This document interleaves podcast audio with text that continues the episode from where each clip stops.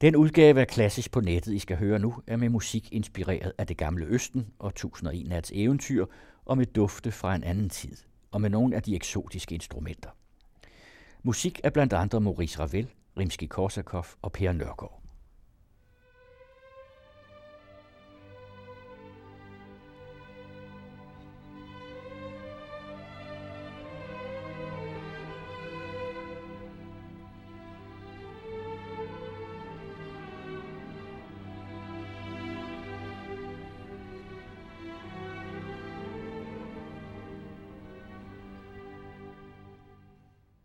Her er Klassisk på nettet i gang med en udsendelse om Østens musik. Der er ni stykker på denne gang, og de fem er franske, og det er ikke så mærkeligt, for verdensudstillingen i Paris i 1889 er vanvittigt berømt, også fordi det var til den, at Eiffeltårnet kom op og stå og blev stående, selvom det ikke var meningen.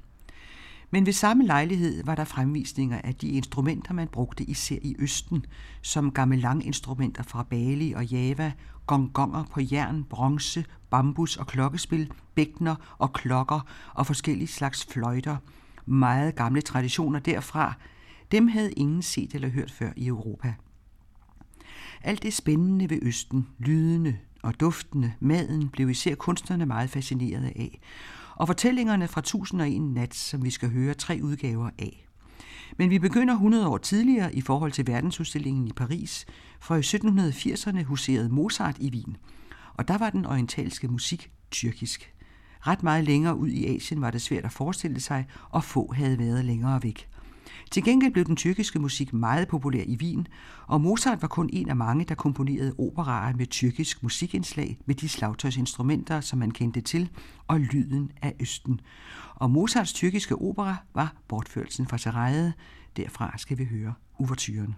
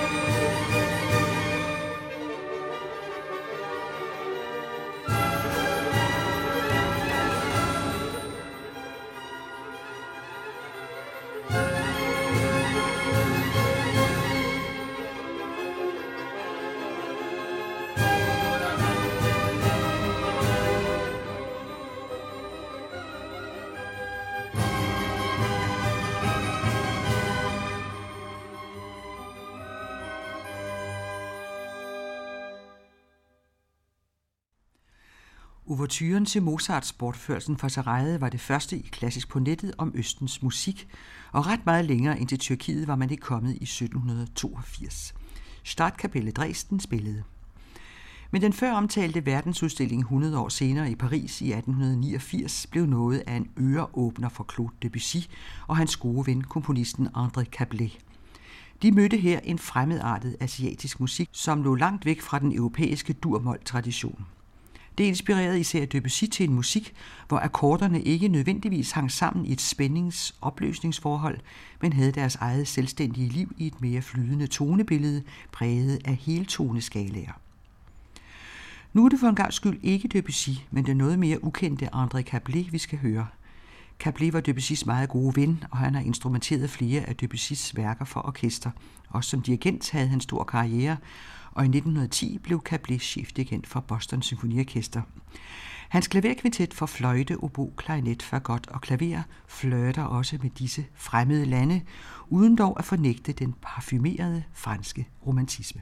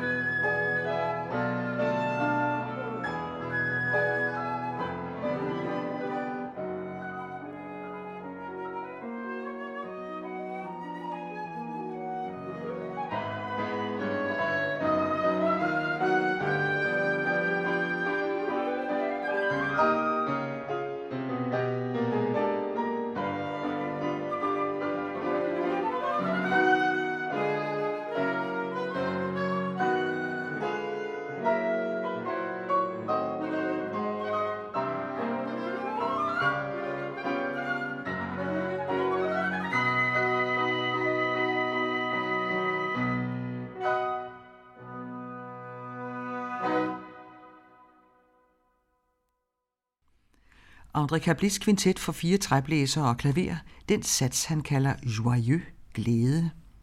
Og så er vi nået til de tre udgaver af Tusind og en nats eventyr, der kommer i denne udsendelse. Maurice Ravels og Rimsky-Korsakoffs samt Robert Schumanns. Ravel har komponeret et værk for sopran og orkester i tre dele, hvor den anden del hedder La Flûte Enchantée, den fortryllede fløjte, og hvor fløjten er lige så vigtig som stemmen. Og Rimsky-Korsakov har komponeret en stor orkestersuite i fire satser. Her kommer først La Flûte Enchantée med en fløjtenist fra Wiener Philharmonikerne, som man ikke har ulejlighed sig med at nævne navnet på, og så den tyske sopran Hildegard Behrens.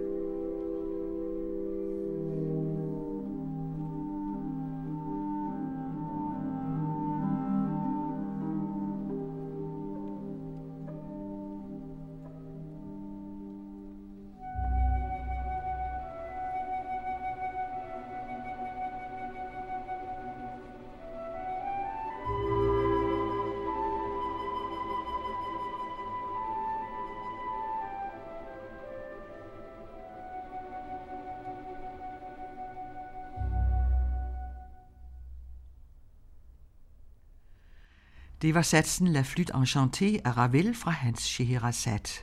Hun, den ukulige unge kvinde, en i rækken af mange koner til sultanen i det gamle, gamle Bagdad, dengang da verden så helt anderledes ud.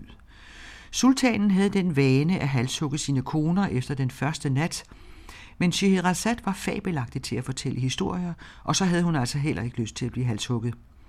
Så nat efter nat sad hun, tusind og en nat, og fortalte så spændende historier til sultanen, at han var nødt til at lade hende leve, så han kunne blive ved med at høre hende fortælle. Og efter Ravels henførte og sensuelle musik om Scheherazade kommer den russiske komponist Rimske Korsakov, der også har lavet sig inspirere af 1001 nat. De fire satser i hans symfoniske suite kan man også sagtens kalde eventyr. Og det vi skal høre hedder Den unge prins og den unge prinsesse. Daniel Barnbaum dirigerer Chicago Symfoniorkester.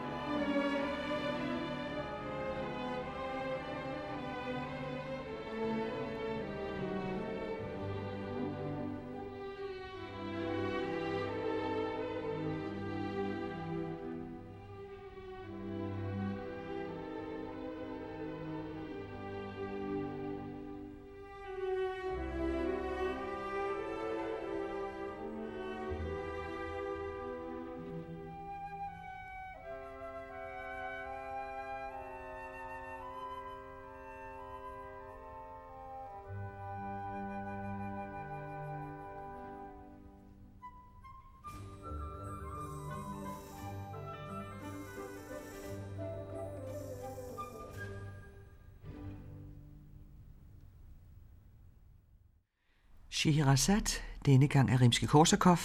Vi fik en af de fire store fortællinger i den symfoniske suite. Endnu en Scheherazade-sats skal vi have, og det er et klaverstykke af Robert Schumann fra hans album Für die Jugend, som består af 28 korte stykker.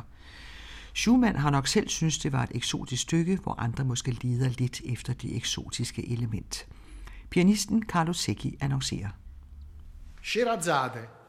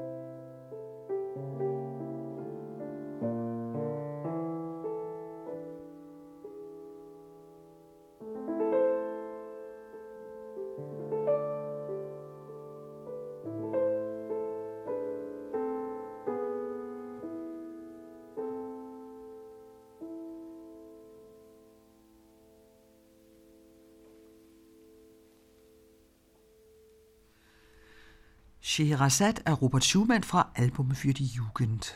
Og så skal vi til Kina, men med en dansk komponist, der også blev fanget af de anderledes lyde og instrumenter.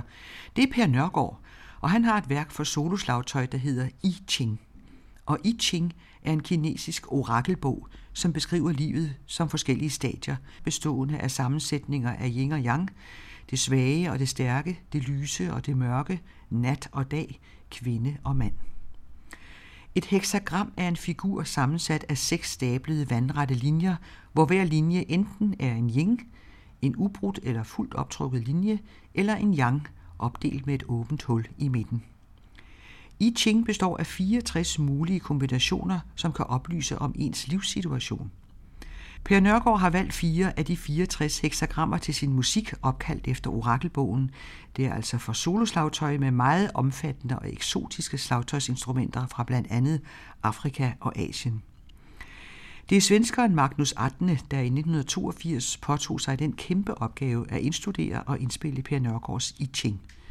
Vi skal høre den korte anden sats, som nu også giver et godt indtryk af de eksotiske instrumenter.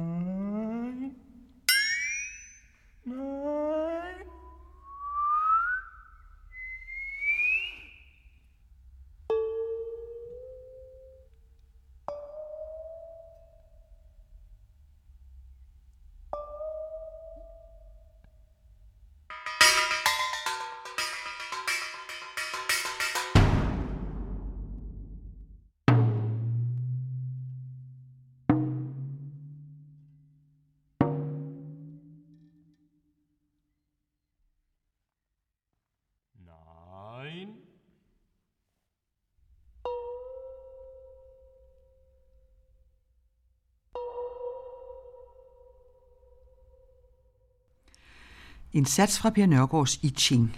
Musik for én slagtøjspiller, men med rigtig meget at slå på eller spille på. Det næste er også for én musiker, denne gang en fløjtenist, og han spiller altså kun på én fløjte. Det er et orientalt stykke, et af tre, som Pierre-Octave Farou har komponeret. Han blev kun 36 år og blev dræbt i en bilulykke på vej til Ungarn for at besøge sit store idol, Bela Bartok. Men stykkerne skrev han i 1922, da han var 22 år, og de er blevet fast repertoire hos fløjtenisterne. Stykket her hedder Jade, Jade på fransk. Det er franskmanden Michel de Bost, der spiller.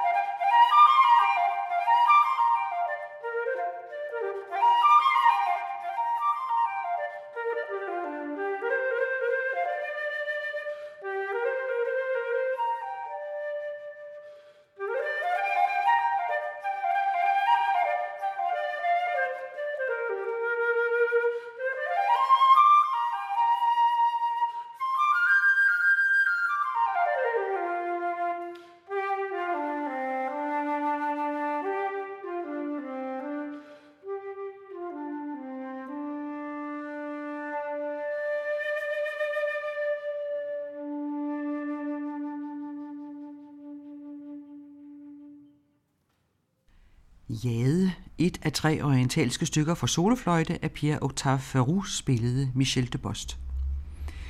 Mere fransk orientalsk inspireret musik med Francis Poulenc. Han er født i 1899, 10 år efter den fantastiske verdensudstilling i Paris, Ikke bare på grund af Eiffeltårnet, der selvfølgelig blev stående, selvom alt normalt bliver revet ned igen efter en verdensudstilling. Men musikken, som er sagen i denne udsendelse, den eksotiske og ukendte musik fra Østen og de anderledes instrumenter, og som både Maurice Ravel, André Caplet og måske allermest Debussy blev dybt fascineret af. Og han stillede sig for eksempel det spørgsmål, hvordan klinger det, når en nymfe forvandler sig til et siv? Det er da virkelig et godt spørgsmål. Og Francis Poulenc, som var det yngre, komponerede også det eksotiske ind i sin musik. Hans trio er fra 1926, og hans første rigtige kammermusikværk, Trio for obo, godt og klaver, et humoristisk neoklassicistisk værk.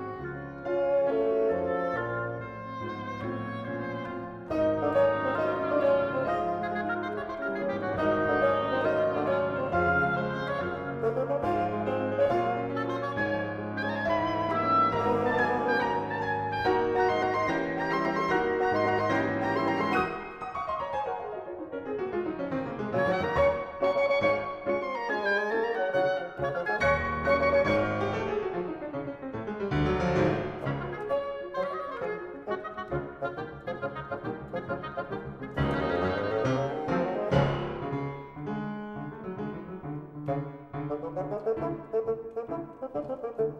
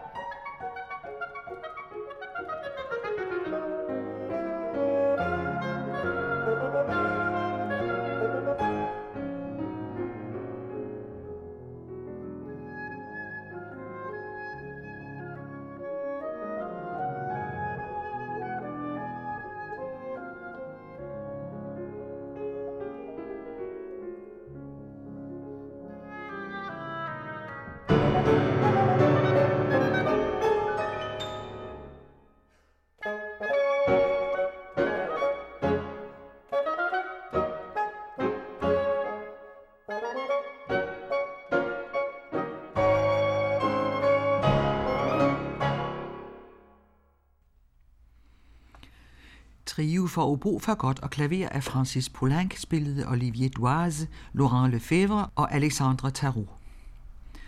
Og så til det sidste stykke musik i klassisk på nettet om Østens musik, og det bliver af endnu en franskmand, Albert Roussel, der havde en mærkelig karriere.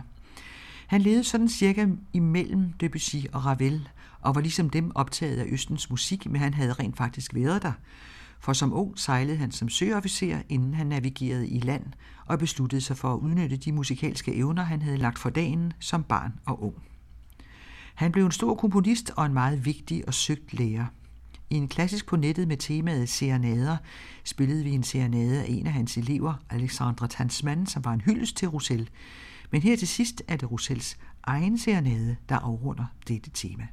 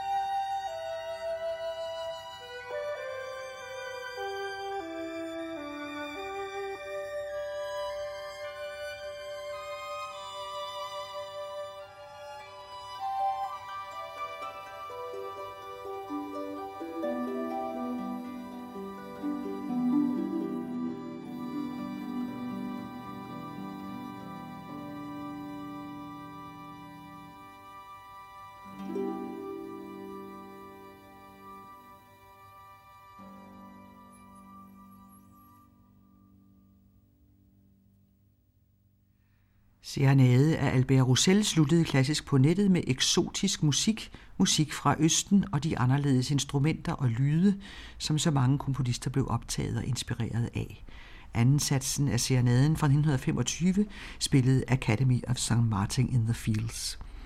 Og med det første stykke musik var vi tilbage hos Mozart i Wien, hvor den tyrkiske musik var det store hit, og Mozart skrev operaen Bortførelsen fra Sarajet i 1782, som vi hørte, uvertyren fra spillet af Startkapelle Dresden med Karl Bøhm i spidsen.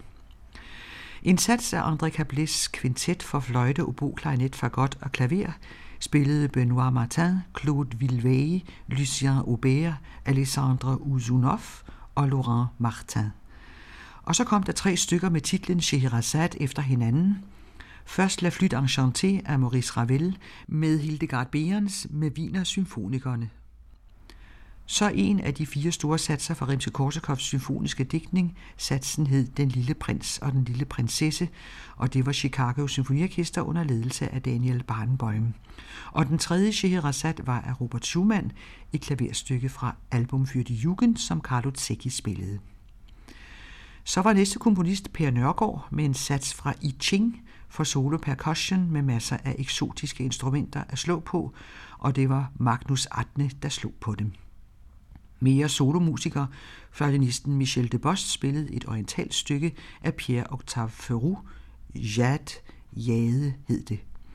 Og så var Francis Poulenc den næste, hans trio for obo, godt og klaver, som Olivier Doise, Laurent Lefebvre og Alexandre Tarot spillede. Og så Albert Roussel serenade til sidst. Det er Kirsten Røn, der tilrettelægger klassisk på nettet.